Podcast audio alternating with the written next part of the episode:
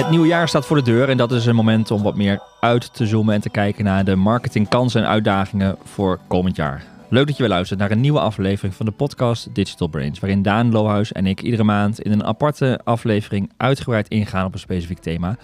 En deze aflevering gaat over de trends en ontwikkelingen voor volgend jaar. En daarom hebben we Bas Wolters uitgenodigd, marketingmanager bij AdWise. Welkom Bas. En Thijs Wolbers, director Quality and Innovation. Ook welkom. En, uh, ja, en Daan natuurlijk. Jij ook een vraagstuk wat heel erg jouw vakgebied raakt als strateeg bij, uh, bij AdWise. Want ja. ja. in jouw rol ben je ook bezig met plannen voor klanten, voor, dus voor bedrijven uh, voor komend jaar. Um, en als je heel erg uitzoomt, wat zijn Daan volgens jou dan de ja, belangrijke ontwikkelingen die je ziet in, een, in de markt en misschien in de wereld? Ja, die je veel terug hoort. want je moet echt, als je, je hebt natuurlijk allerlei type branches, industrieën, verschillende functies van marketing, van recruitment tot e-commerce tot uh, lead generatie. Maar als je echt overkoepelend kijkt, is dat vooral uh, meer economische onzekerheid. Dus mm -hmm. de omzet en vraag komt niet meer vanzelfsprekend aanwaaien. In sommige situaties nog wel, maar andere ook weer niet. Dat is heel wisselend. Maar vooral de volatiliteit, ja. zeg maar, of de verwachtingen die mensen hebben. Eerder was het gewoon van, nou, het is nog steeds booming en we gaan lekker door. Nu is het, ja, de onzekerheid is gewoon toegenomen. Ook een beetje omdat je dingen die op wereldschaal spelen, ja. dat die ketens zo met elkaar verbonden zijn, dat als iets in China speelt, het gevolgen kan hebben voor de markt in Nederland, zonder dat ja. je, waar je voorheen misschien nog geen rekening mee hield. Of, ja, en dat, ja, dat, dat niemand er meer van uitgaat, vanzelfsprekend van, oh, volgend jaar kunnen we weer lekker groeien, want het afgelopen jaar ging ook lekker, zeg maar. Ja, dat nee, niet, uh, niet vanzelfsprekend. Nee, nee. en, uh, uh, en uh, wat je ook dus ziet in algemene trend, dat is meer van het klantkant, dat klanten zich langer uh, langer kunnen oriënteren uh, in, de, in, de, in de customer journey van de see, think, do, care fase, zeg maar. Mm -hmm. Zie je dat de think fase, of wat Google het noemt, de messy middle, hè, van dingen uh, in je overwegingszet stoppen als merk eruit halen, meer rondkijken. Dat kan natuurlijk doordat steeds meer dingen via digital beschikbaar zijn. Uh, ook bijvoorbeeld in B2B, uh, steeds meer informatie rondom keuzeprocessen is gewoon beschikbaar op sites en in content. Uh, en dat zagen we ook laatst terug in de Puls, hebben we het er nog over gehad, in die data van WordStream bijvoorbeeld. Ja. zeggen van ja, het is niet zozeer dat de CPC's per se zijn toegenomen, maar je ziet gewoon wat lagere conversie en hogere kosten per lead. Bijvoorbeeld terug in veel industrieën, gewoon dat er meer wordt vergeleken, rondgekeken. En, uh, maar aan de andere kant ook zijn er, uh, ja, als je kijkt hè, naar een jaarniveau, nog nooit zoveel panklare data- en tech-oplossingen geweest als nu. Als je kijkt van wat er is allemaal aan tools uh, beschikbaar voor organisaties. Om gewoon ook ja, in bepaalde branches of industrieën heel specifiek dat er, ja, als je iets nodig hebt, mm -hmm. een marketingoplossing, er is, het is wat. Er ja. is een app of een technologieplatform voor wat dat kan servicen. Dus het zijn eigenlijk gouden tijden voor uh, ja, nu om dingen op te kunnen gaan bouwen. En uh, juist nu dat uh, op te pakken. Want hè, ondanks personeelstekort, teruglopende vraag, inflatie en ook een stuk internationalisatie, allemaal dingen die spelen.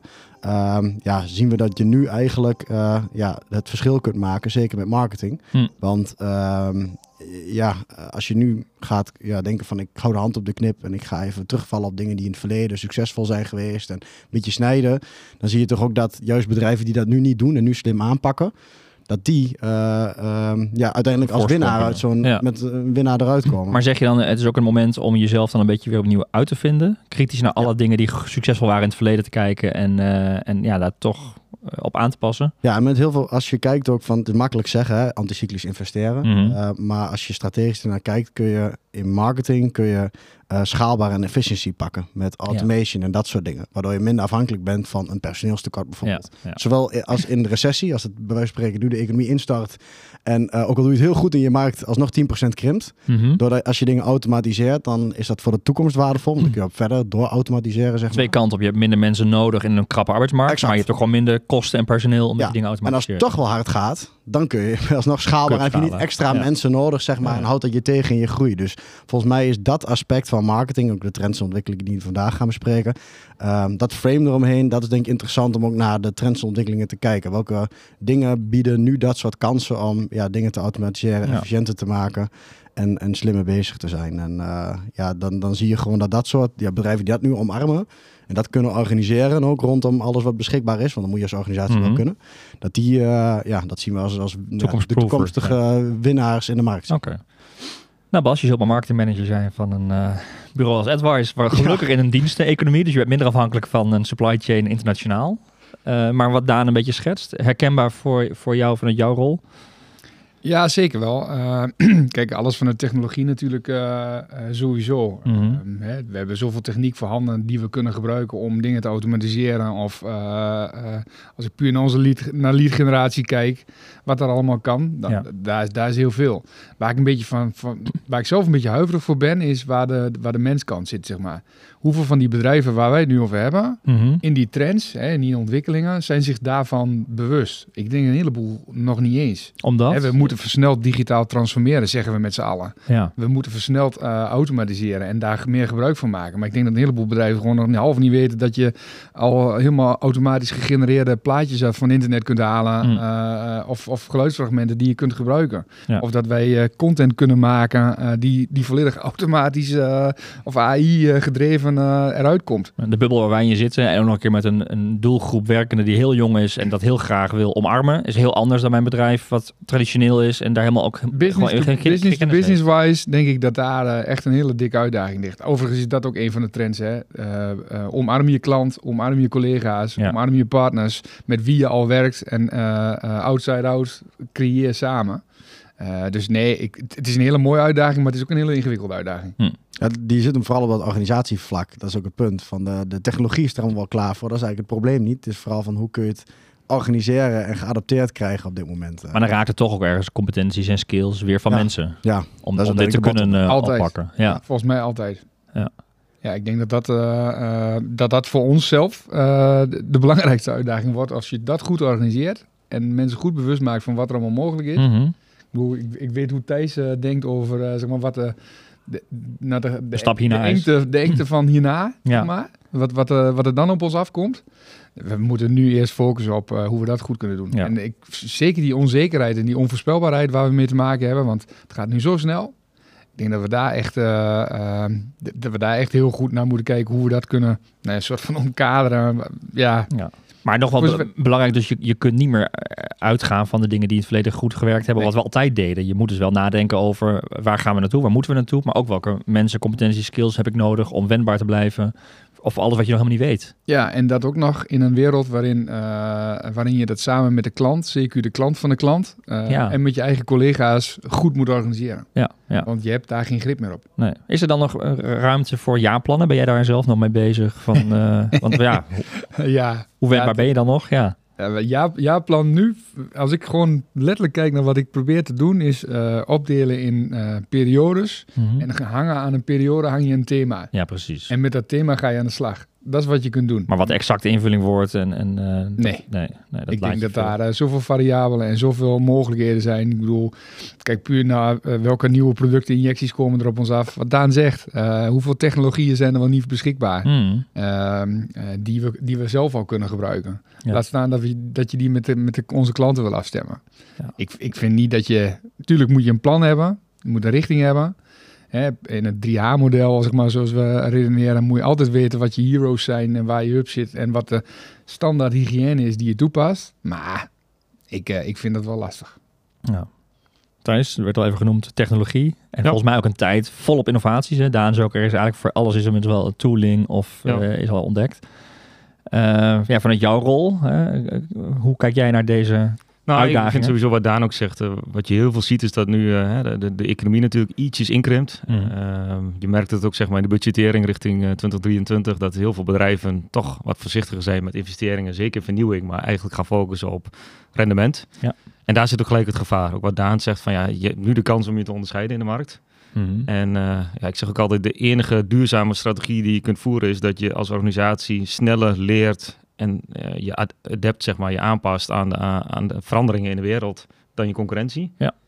Ehm, ja, Dus eigenlijk heel veel tijd en geld moet reserveren om te leren, experimenteren. ja, want je ziet eigenlijk alle voorbeelden van bedrijven die zeg maar uiteindelijk ten onder gaan, zijn bedrijven die zich eigenlijk niet hebben aangepast aan de veranderende wereld. Dus het gedrag van de consument, nieuwe ook aan- technologieën, Aan Hmm. dingen die ze eerder deden en Ja. dat dan alles kaal snijden tot aan... die daarin geloven. hey, dat heeft gewerkt en dat blijf Ja. je maar doen. Nou, Ja. ik, voor mij heb ik eh, twee weken terug hadden we een conversational event. Ja, als je dan ziet dat, eh nou, dat is dan meer dan 150 jaar terug, maar een van de grootste bedrijven toen, de Pony Express, die zeg maar communicatie verzorgde, duizenden medewerkers, is in een jaar tijd van nul medewerkers naar enkele duizenden. en en ook de in anderhalf jaar tijd niet gegaan, van, omdat ja, ja. de Telegram is uitgevonden, Ja. dus eigenlijk hun product niet meer relevant is. Dus dat geeft eigenlijk aan van, ja, die zijn, dat is misschien ook heel moeilijk geweest in die tijd, maar je moet je gewoon als bedrijf aanpassen aan de veranderingen in de wereld. En uh, ik denk ook, ik geloof daar echt in dat bedrijven die dat het snelste doen, zich het snelst aanpassen aan de veranderingen in de wereld. Dat zie je ook gewoon nu als succesvolle bedrijven voorbeelden ten overvloede. Kijk naar een Facebook, uh, Meta inmiddels, die zich hmm. natuurlijk gigantisch aan het investeren is in uh, de metaverse. Maar die zien ook dat de wereld gaat veranderen, dat het daar naartoe gaat en dat zij daar klaar voor willen zijn. Ja, waar we zelfs bij Meta, een mooi voorbeeld, worden aan alle kanten vraagtekens gesteld bij hun strategie, omdat we volgens mij nog niemand kan begrijpen waar zij over ja, nadenken ik denk zijn. dat daar, daar zit het hem ook. Ik denk dat uh, heel veel mensen gewoon niet snappen waar de wereld naartoe gaat en waarom zo'n bedrijf dat doet. Maar ja. persoonlijk denk ik dat het een geniale zet is en dat zij in de toekomst misschien wel leading zijn in de digitale wereld op hm. zo'n vlak. Dus waarschijnlijk is het lange termijn een hele maar, slimme set. Maar vanuit marketing is het best leuk om, uh, om dan uh, interessant om dan te kijken naar bedrijven als Lego en uh, Walt Disney. Mm -hmm. kijk, Lego is ooit begonnen met blokjes. Ja. ja. groeit uit tot pakketten die volledig zeg maar in elkaar gezet kunnen worden. Uiteindelijk vragen ze aan de klant of de consument in dit geval van joh, wat zou je eigenlijk willen dat we maken? Ja. Hè, daar komt een heel platform omheen, een heel community platform omheen. En zij zetten nu de volgende stap naar Meta. Dus ze creëren nu een eigen wereld met games, met uh, et cetera, waar de klant of de consument gewoon letterlijk bepaalt wat er gebeurt. Ja, maar wel weer die blokjes gebruikt in maar een heel ander omgeving, maar uiteindelijk, een setting. Maar uiteindelijk die blokjes wel gebruikt. Ja. Maar dus Lego wordt daardoor alleen maar groter. Disney doet hetzelfde. Disney is ooit begonnen met uh, uh, film, zeg maar, of, of zeg maar boeken, mm -hmm. naar films, naar concrete studio's of com complete pretparken. met alles erop en eraan. En nu ook naar meta gaan, naar een andere wereld gaan. Ja. En daar dus, uh, en ik denk dat dat hele mooie voorbeelden zijn van bedrijven die dat heel goed doorhebben. Ja, maar daarmee zeg je, er schalen misschien bepaalde functies en afdelingen af, maar aan de andere kant moet je weer opschalen. Je bent eigenlijk heel erg in beweging steeds. Ja, en ik denk dat dat op basis van wat, wat, wat Thijs ook zegt, die onvoorspelbaarheid, die onzekerheid en de, de, verandering meegaan, dat, dat betekent niet dat je hele bedrijf op de kop moet zetten. De essentie van je bedrijf verandert niet, hè?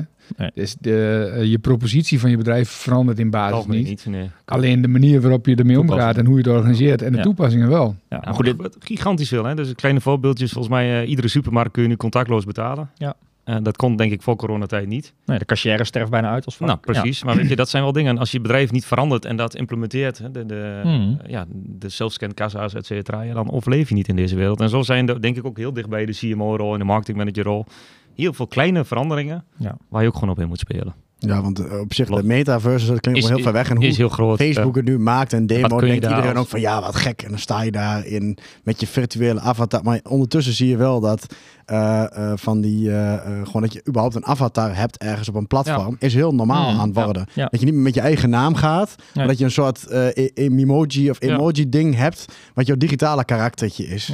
En dat je daarvoor dingen koopt en aanschaft in, in, in, wat je aangeeft, Bas, met Lego. Dan koop je in feite gewoon een digitaal product wat niet fysiek is, waar mensen gewoon 20, 30, 40 Dat is al een hele grote industrie als je kijkt naar gaming bijvoorbeeld. Ja. mensen geld uitgeven aan, aan kleding of, of aan wapentjes of aan uh, allerlei accessoires. Zeg en wat dingen een merk dragen of een bepaalde beleving overbrengen. dat klinkt ervan B2B, maar die nog heel ver. Maar dat betekent wel dat hè, ook in je digitale klantervaringen, de accounts waar je mee inlogt, de dingen, hoe je zaken doet en dat soort dingen, raakt ook op een gegeven moment. Het is niet alleen maar een website. En, en je businessmodel, want het voorbeeld wat, wat Bas noemt, dus ja, Lego, als ik van Lego blokjes en pakketjes uit het schap pakken, afrekenen en meenemen, ga je naar veel een abonnementstructuur misschien wel met heel veel add-ons. En dus je moet ook je hele businessmodel ja je core verandert niet. Je doet nog steeds wat je doet, of je, je, maar je hele businessmodel daaromheen verandert. Je missie kan hetzelfde blijven. Je missie kan hetzelfde blijven. Ja. Aan de andere kant, Daan, ik weet niet of jij het gezien hebt, maar Kodak hebben we het ook heel vaak aangehaald als een uitstervend uh, bedrijf hè, met de fotorolletjes. ja, die moeten de fabrieken Die moeten de fabrieken aanjagen. En de, de, er is in één keer weer behoefte allemaal tweedehands uh, camera's en Kodak-rolletjes, omdat er een spannend moment is dat je een foto maakt waarvan je niet direct weet. Dus het zijn ook wel weer die conjunctuurbewegingen of zo. Er is een hele generatie die niet gewend is te moeten wachten op de ontwikkeling. Die vinden dat denk ik heel spannend. Een hele experience, uh, het ontwikkelen van een foto. Het is ook, dus het is echt ook meebewegen. Ja, maar dan is het meer eh, ja, iets leuks om te doen, zeg maar. Niet, maar niet in je dagelijks gebruik dat je nee, het is een vakantie gaat met, uh, met de Kodak, zeg maar. En alleen maar daar je foto's mee maakt. Ja. Maar je ziet wel producten en diensten veranderen mee met ontwikkeling in de markt en vraag van de doelgroepen. Absoluut. Dat zijn van die termen die je hoort, hè? immersive uh, customer experiences en zo. Uh, dus dat ze zeg maar met VR-brillen, et cetera. Mensen willen op de een of andere manier die experience, en daar komen we straks nog wel op, is natuurlijk ook een heel belangrijke uh, trend waar we mee bezig zijn. Hè? Hmm. Hoe ervaren onze klanten, of de klanten van de klanten, hoe ervaren ze zeg maar het product of de dienst en hoe ga je daarmee om? en, da en dat, zie je, dat zie je natuurlijk zeg maar heel erg ja, gewoon, gewoon terug in wat er gebeurt. Zo'n Kodak is daar een heel mooi voorbeeld in. Ja. Um, en heeft ook wel ergens maar dan ga ik misschien nu te snel. Um, hè, de sustainability, de, de, de 17 goals of de, van de wereld hè, op het gebied van duurzaamheid. Hoe gaan we daar dan mee om? En, wat, en wat doet die dan op uh, zeg maar, uh, een bedrijf? Uh, let op wat daar gebeurt. Eigenlijk de maatschappelijke thema's die ook veel impact gaan hebben op bedrijfsvoer. Ja, en dat roepen we natuurlijk al jaren. Maar het komt, het komt allemaal wel steeds mm -hmm. dichterbij. Dus, ja.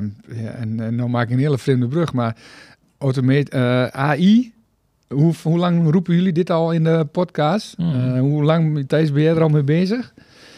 maar ja, pas jaren. nu ja, denken gaat het balletje echt hard. Ja. Zie je nu de dagelijkse gang van zaken. Nu kun je het toepassen. En dan ja. gaat het in één keer heel snel. Nu krijgen we er een concreet beeld bij. En, uh, en dat wil je ook met die doelen. We praten heel lang over dat soort thema's. En er is op een gegeven moment in één keer een omslagpunt. En dan moet je ook in één keer heel hard rennen om bij te blijven. Ja, want nu anders verschijnen in één keer bij productomschrijvingen, bij veel vooraanstaande merken...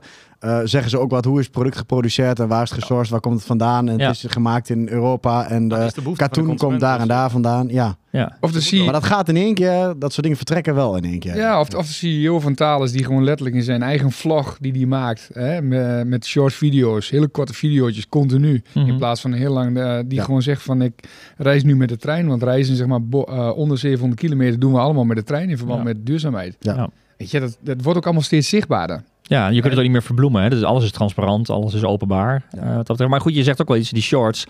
Dat is ook een uitdaging als marketeer. Dat je in een split second, in steeds kortere uh, aandachtsmomentjes, uh, je, je klant moet gaan raken. Ja, maar uh, we gingen van twee minuten naar een minuut en we gaan nu naar 15 seconden. Ja. Uh, en we gaan naar reels en we gaan, weet, weet je, dat, dat, blijft, dat blijft gaan. Maar dat, dat, ik, ik denk wel dat, dat als je het hebt over ook organisatieverandering, zeg maar, in productie van dingen, wat ik nog wel heel erg zie, is dat het andere een cultuur is, met, ook met creativiteit, zeg maar. Dat je iets vrij, uh, je hebt natuurlijk een storytelling en een bepaald communicatieconcept, maar dat je wel steeds meer in staat moet zijn om dat ook snel te kunnen uitdrukken en een bepaald concept op te kunnen knippen in kleinere momentjes. Inderdaad, precies wat je zegt met de, de, die gewoon dan in een trein vlogt en een boodschap gewoon bam over de organisatie over te brengen in een paar seconden.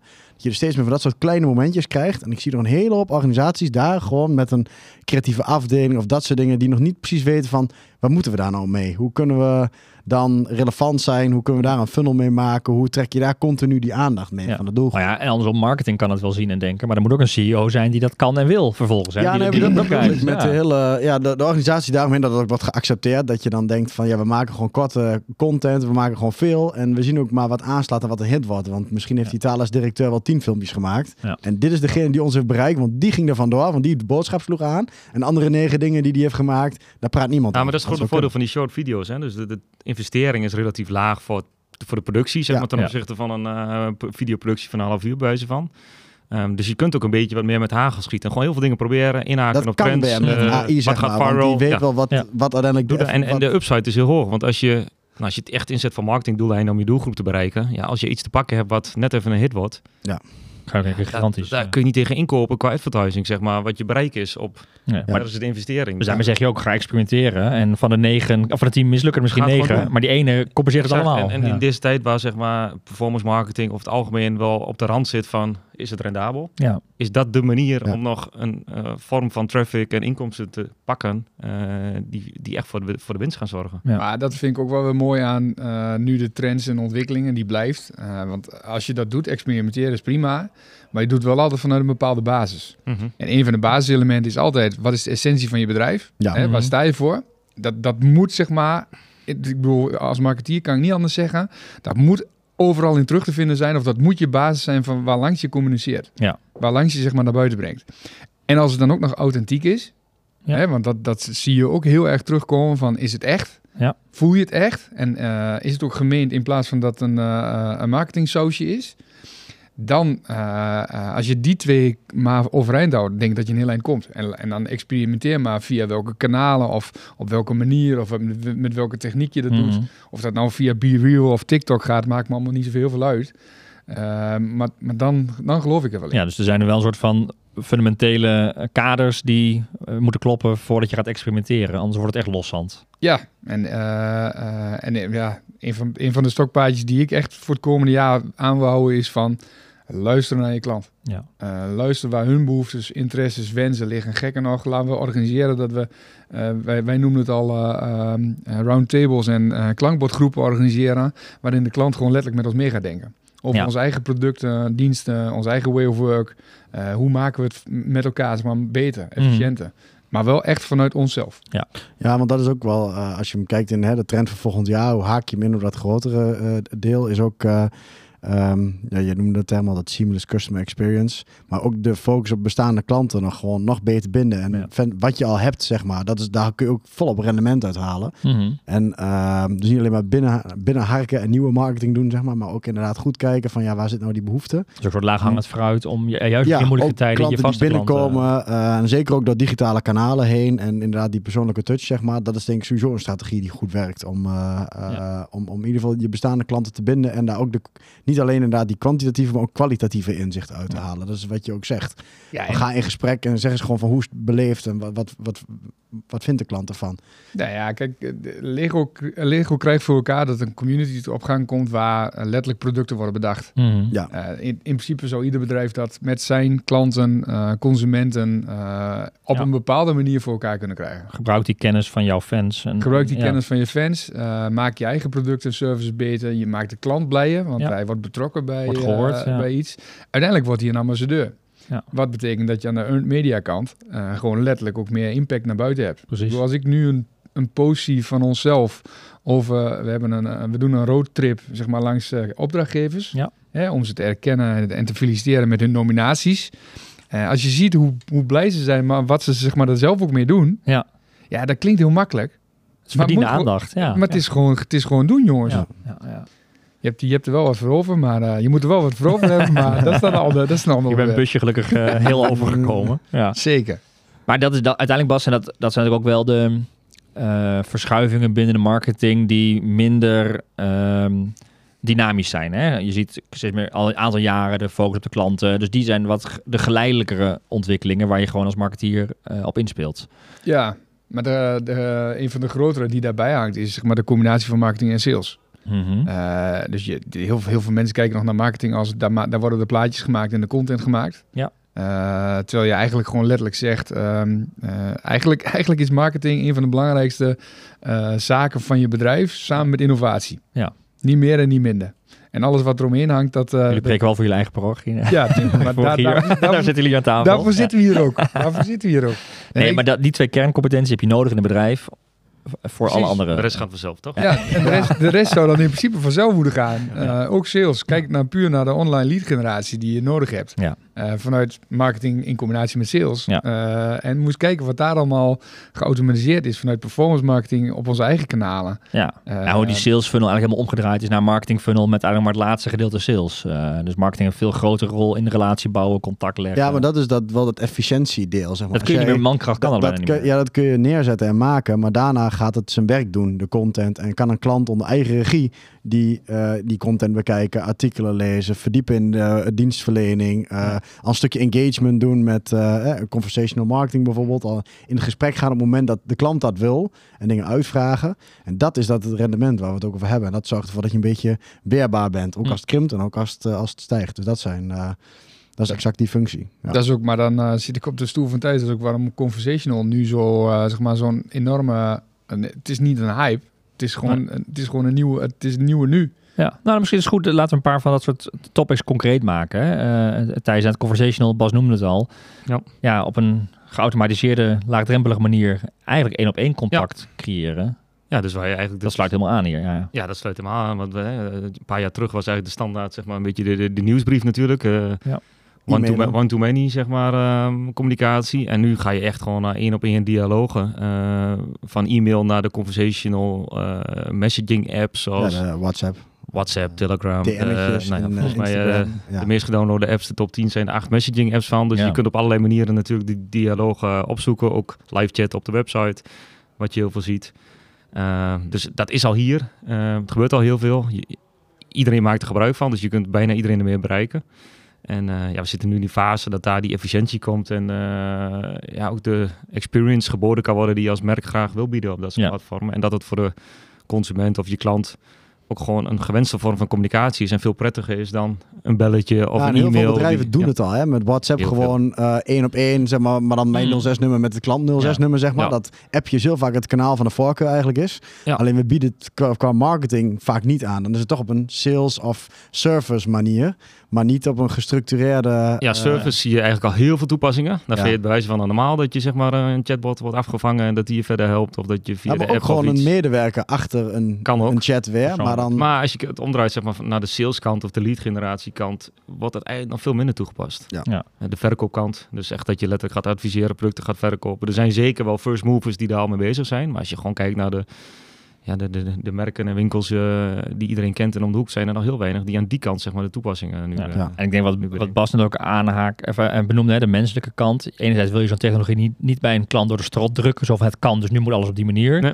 Maar Bas, ergens is het natuurlijk een omslagpunt dat de klant op een gegeven moment ook gewoon verwacht dat je op die manier bereikbaar bent. Dat is ook Ja. heel, heel moeilijk om heel hard te maken. Nu moeten we over. En, hè, dus eigenlijk moet je klaar zijn voor het moment dat de consument verwacht. Nou ja, moet, je moet het er gewoon bij doen. Ik denk dat je, je kunt beter, zijn, beter dezelfde degene zijn die de markt verandert dan dat je concurrent dat doet. En Ja. als je laatste Ah, straks en nog moet van, oh, En wat we ook over hadden, de organisatie die er leert mee omgaan. Hoe, Ja, hoe is het kost om tijd een chatkanaal te faciliteren, zeg maar. Maar kijk nu Hoe naar de zakelijke contacten die wij denk ik met onze klanten ook hebben. Ja. Dat was niet denkbaar. Dat was vroeger misschien wilde je je 06-nummer niet eens geven. En Maar- nu ben je aan het appen met je Ja. Zakelijke relatie, Ja. zeg maar. Dus Ja, die maar- wereld verandert ook gewoon. Kijk wat we voor, eh voor Herakles hebben gedaan zeg maar, op dat gebied. Eh, we hebben gewoon eh, meer duizenden seizoenkaarthouders eh, door middel van app eh, benaderd. Hm. Ja. 95% operatio eh, van, Ja. een, van een bericht, Ja. eh, inclusief de interactie. En dan is de interactie bij supporters, zeg maar, kan soms wat, hè, daar, daar zit altijd gevoeligheid. Maar als je ziet hoe dat gegaan is, is dat eigenlijk heel vlekkeloos verlopen. Ja, super schaalbaar. Het is heel schaalbaar op een hele gepersonaliseerde manier. Ja. In het een voorkeurskanaal van de consument, van je in doelgroep. een voorkeurskanaal van, de, van de doelgroep. Ja. En dat is, het. ik denk dat dat zeg maar, de kracht ook van conversational in, Ja. in, in, op dit aspect is. Je noemde net een paar voorbeelden, maar het onboarden van je eigen personeel, eh, nieuwe collega's door middel van WhatsApp-flows, Mhm. eh, eh, hoe, mooi, hoe mooi kan dat zijn? Ja. Ja. Alleen, ik denk dat we het allemaal nog niet zien. Iedereen is in de markt wel bezig met wat doet WhatsApp voor mij. Maar goed, ik kan groepjes maken van maximaal 300 eh, mensen bij elkaar, maar daar, daar red ik het niet mee. Terwijl die mogelijkheden allemaal nu veel verder zijn. Ja. En daar denk ik dat, nou ja, wij als bedrijf, maar eh, wij als mensen ook, hoe kunnen we elkaar daarin triggeren en helpen? Ja.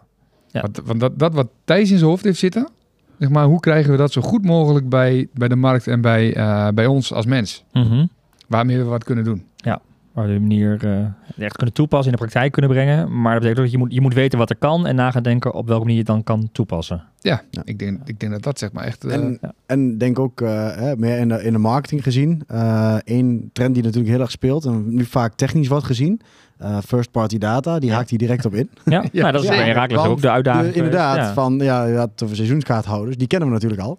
Maar hoe ga je alle andere mensen inderdaad bereiken? Want voordat je ze een berichtje kan sturen, een van de uitdagingen, ook met conversational, is natuurlijk hoe krijg je überhaupt dan het eerste gesprek op gang, zeg Ja. maar. En hoe heb je iemands 06-nummer? Dat is eigenlijk net als met e-mail.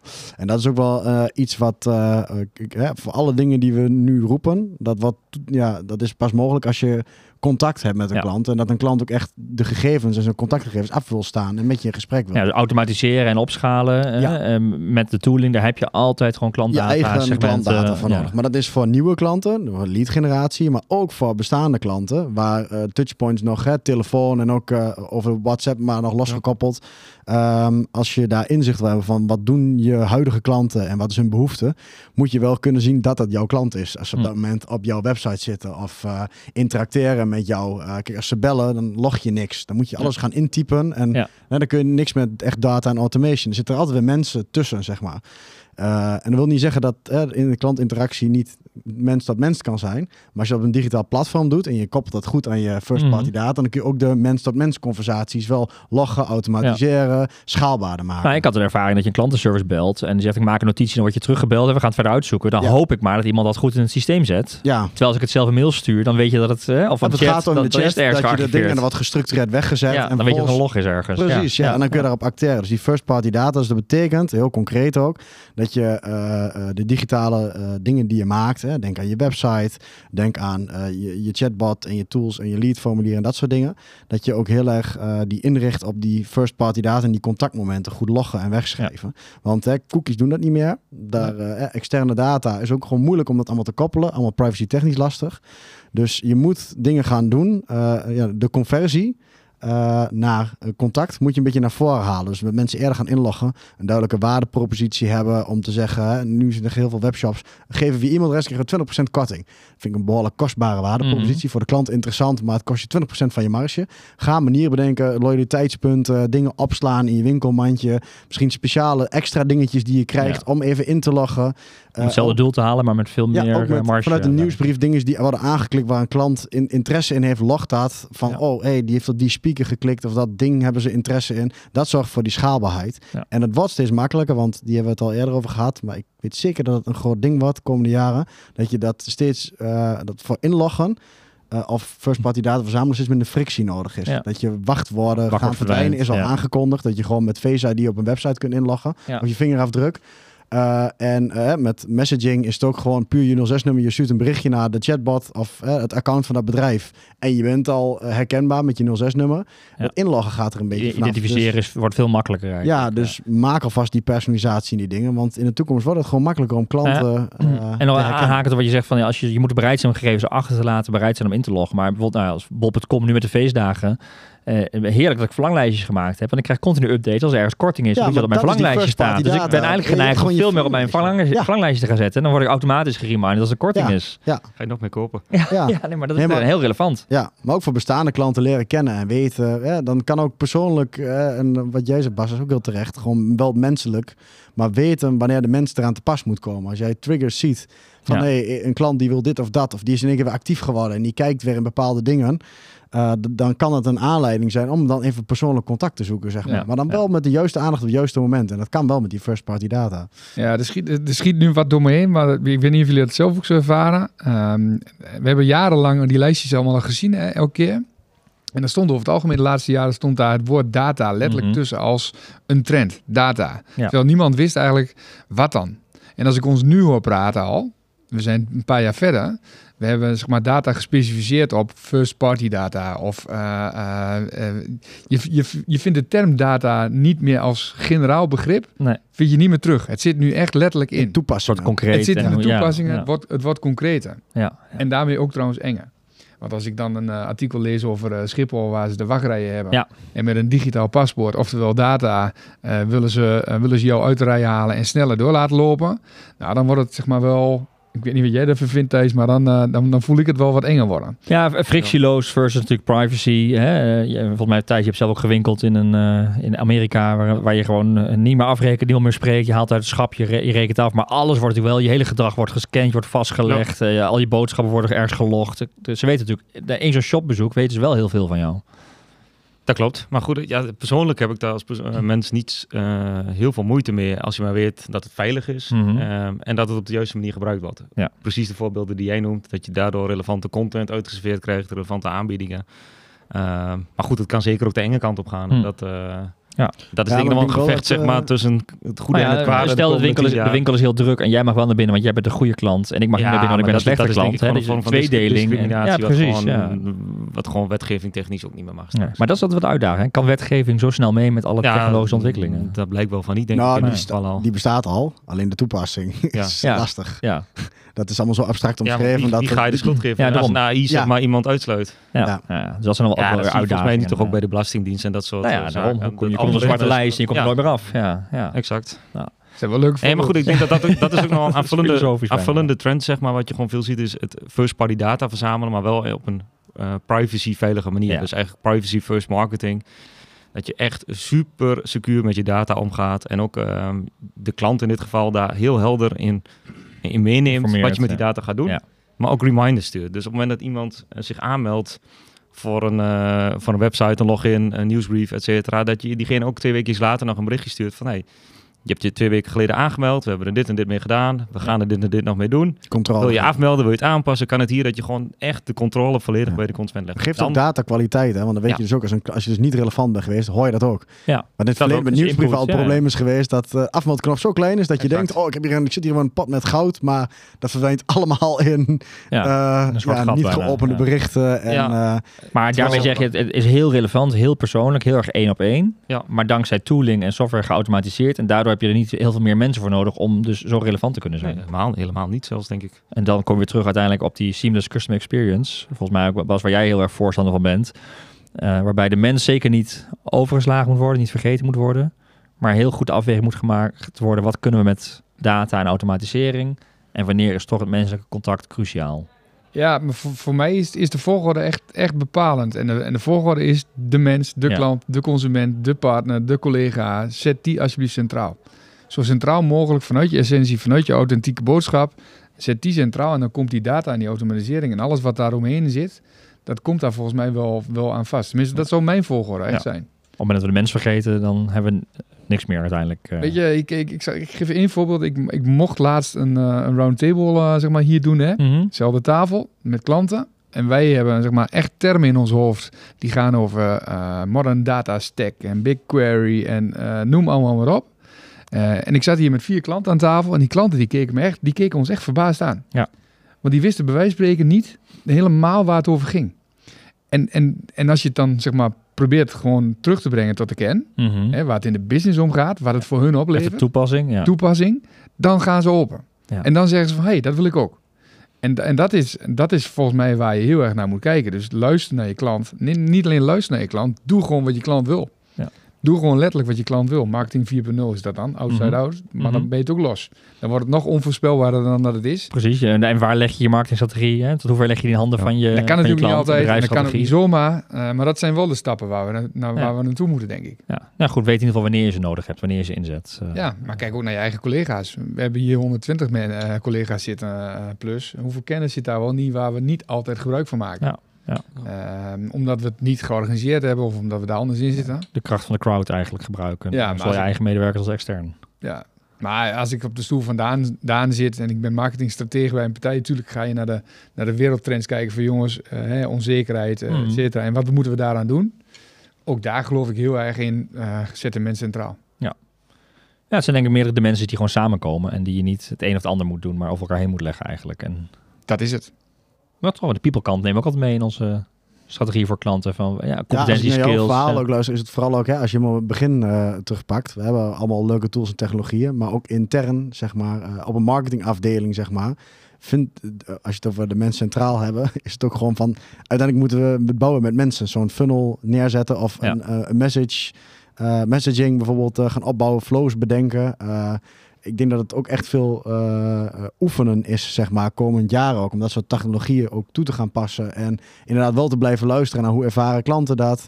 Kunnen we het zelf ook, snappen we het en mee gaan experimenteren, zeg Hm. maar, om, om voorop te gaan lopen. Ja, en jij zei wel, altijd, eh, ook al faalt een experiment, dan hebben we in ieder geval, moeten we van tevoren eigenlijk definiëren wat we willen leren als het faalt. Dat je altijd Ja. ook van een falend experiment toch leert. Ja, en dat is het denk ik, dat je met dit soort dingen die we allemaal hebben geroepen nou aan de slag gaat.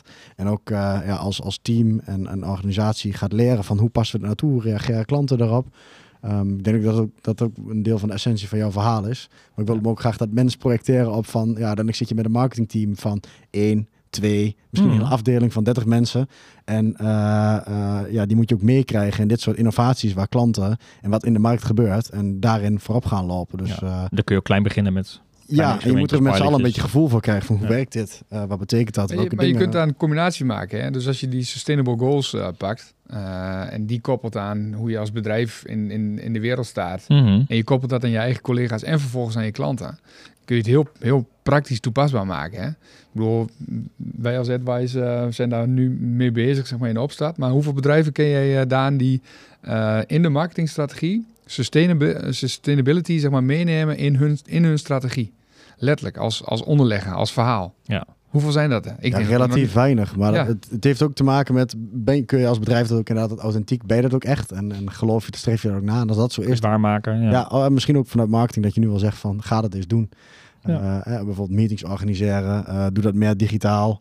Daar zijn allerlei innovaties in te vinden, zeg maar. Om nou ja, vraag, met vraag klanten, betrek klanten over, over zo'n thema. Wat vinden ze van jou als bedrijf? Hoe kijken ze tegen? Ja, Verwachten ze het van je? Kijk eens van wat, wat zou je het waard vinden als, als ons bedrijf meer duurzamer wat of meetings op afstand doen, bijvoorbeeld sales meetings of bepaalde diensten of dingen schaalbaarder kan leveren, is ook vaak inderdaad uh, duurzaamheid, schaalbaarheid. Dat betekent gewoon minder middelen, minder mensen, minder autokilometers nodig. Maar dat is fashion is dat volgens mij al een pijler die de consument belangrijker vindt dan de prijs-kwaliteit van Precies. Waar dus, komt uh, vandaan? en, dat, dat, dat, gaat ook doorwerken naar B2B dienstverleners. Ja.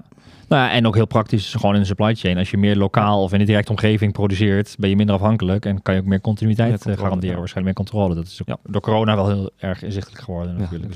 Die trends zien we gebeuren ja, veel over na te denken. Volgens mij ook niet van de dingen die je gelijk uh, morgen anders kunnen doen. Behalve ga ontdekken, experimenteren. Ga je mensen meenemen erin, opleiden en, en ga leren. Ga van fouten leren. En globaal, uh, nou ja, ja, customer experience, data, conversational.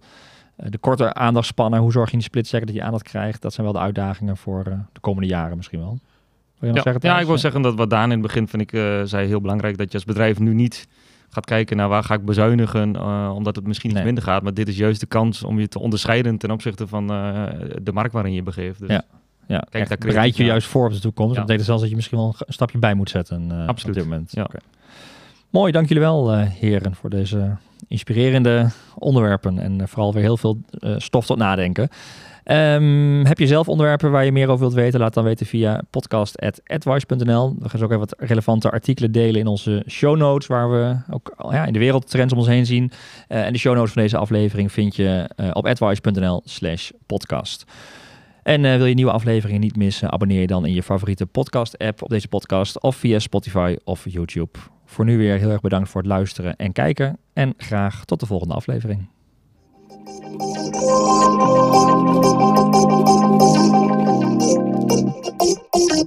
フ。